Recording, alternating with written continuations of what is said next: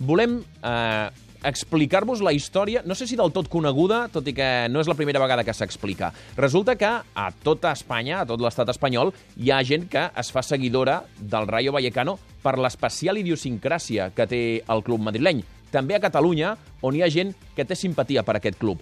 Alguns més que d'altres i alguns que sorprenen més que d'altres. David Fernández, bona tarda. Bona tarda. El David Fernández, periodista, exdiputat al Parlament per la CUP. Tu ets del Rayo. Eh, sí, efectivament. Eh, No, per, no perquè siguis malalt de futbol, que em sembla que el futbol t'agrada d'aquella manera, no? Ah, efectivament, sí, sí, vaig arribar molt tard al futbol, però al final com eh, copa i ocupa les vides de tothom, doncs també tries una opció i vaig ser al Rayo, sens dubte, perquè m'estimo molt sobretot i, i perquè el Rayo té la virtut d'assemblar-se molt a la seva gent i al, i al seu barri, no? Mm. Eh, jo deia en començar, el Rayo Vallecano és una anomalia, gairebé diria que entranyable. En aquest món tan superprofessional del futbol, Exacte. trobar un club com aquest, mm, vaja, és, és una cosa que xoca al principi i després fins i tot reconforta, segons com. Sí, i a més jo crec que en qualsevol aspecte de la vida, de la vida política, econòmica, també esportiva, sempre hi ha lògiques, no? La dels grans, per dir-ho així, i la dels petits, no? La del petit que sempre no? Té, té no? I, I és una opció de base, és una, és una opció també de barri, els de baix, no? En la lògica de grans contra petits, diguem-ne que queda molt, complex, per dir-ho així, no? Mm. Ens arriba d'aquella manera el so de la connexió amb el David Fernández, que està amb un telèfon mòbil, no sé si té gaire cobertura, no sé si podem millorar una mica el so. Ens escoltes, David? I jo escolto bé, vosaltres no ho sé, igual dins un teatre acabant de provar una Sí, em sembla que t'hem tret d'una prova de so, a més a més, d'un homenatge a l'Ovidi Montlló, no? Sí, exacte. Ara millor? A Sí, veure, ara millor, ara molt millor, ara molt millor. Doncs això que deia que és, podria ser fins i tot una opció de filosofia i de reflexió i d'anima coopera, no? Entre els grans tries els petits, no? Eh, Que ningú es pensi que és allò postureo o que dius que ets del Rayo però no coneixes res. Tu has vist eh, partits del Rayo juntament amb els Bucaneros, que és la seva penya d'animació més eh, emblemàtica. Sí, sí, al camp, al camp del Barça. Sí, sí, sent...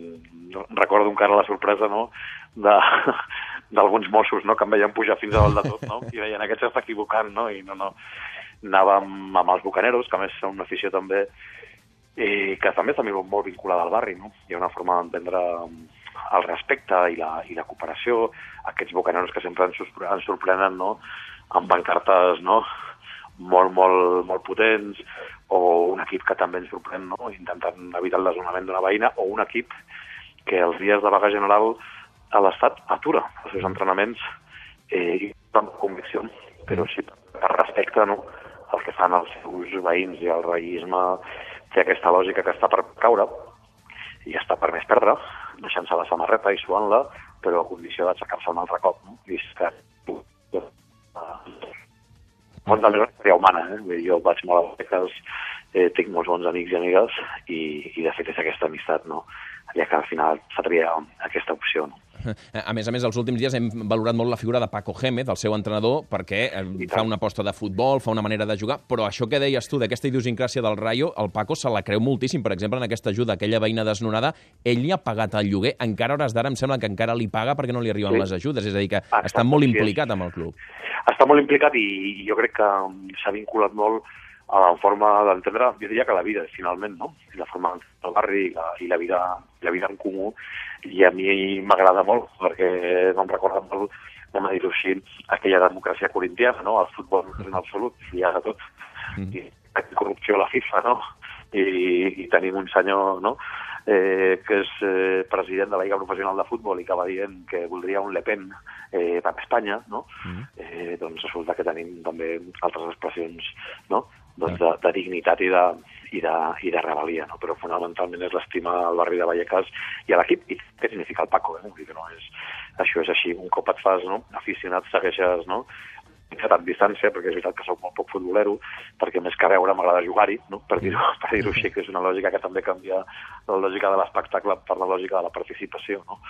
Però això, sí, sí, és, és així, un és del Rayo, un entre tants que és del Rayo. Moltes vegades diem que el Barça és més que un club, eh, no ho nego, però el Rayo també és més que un club.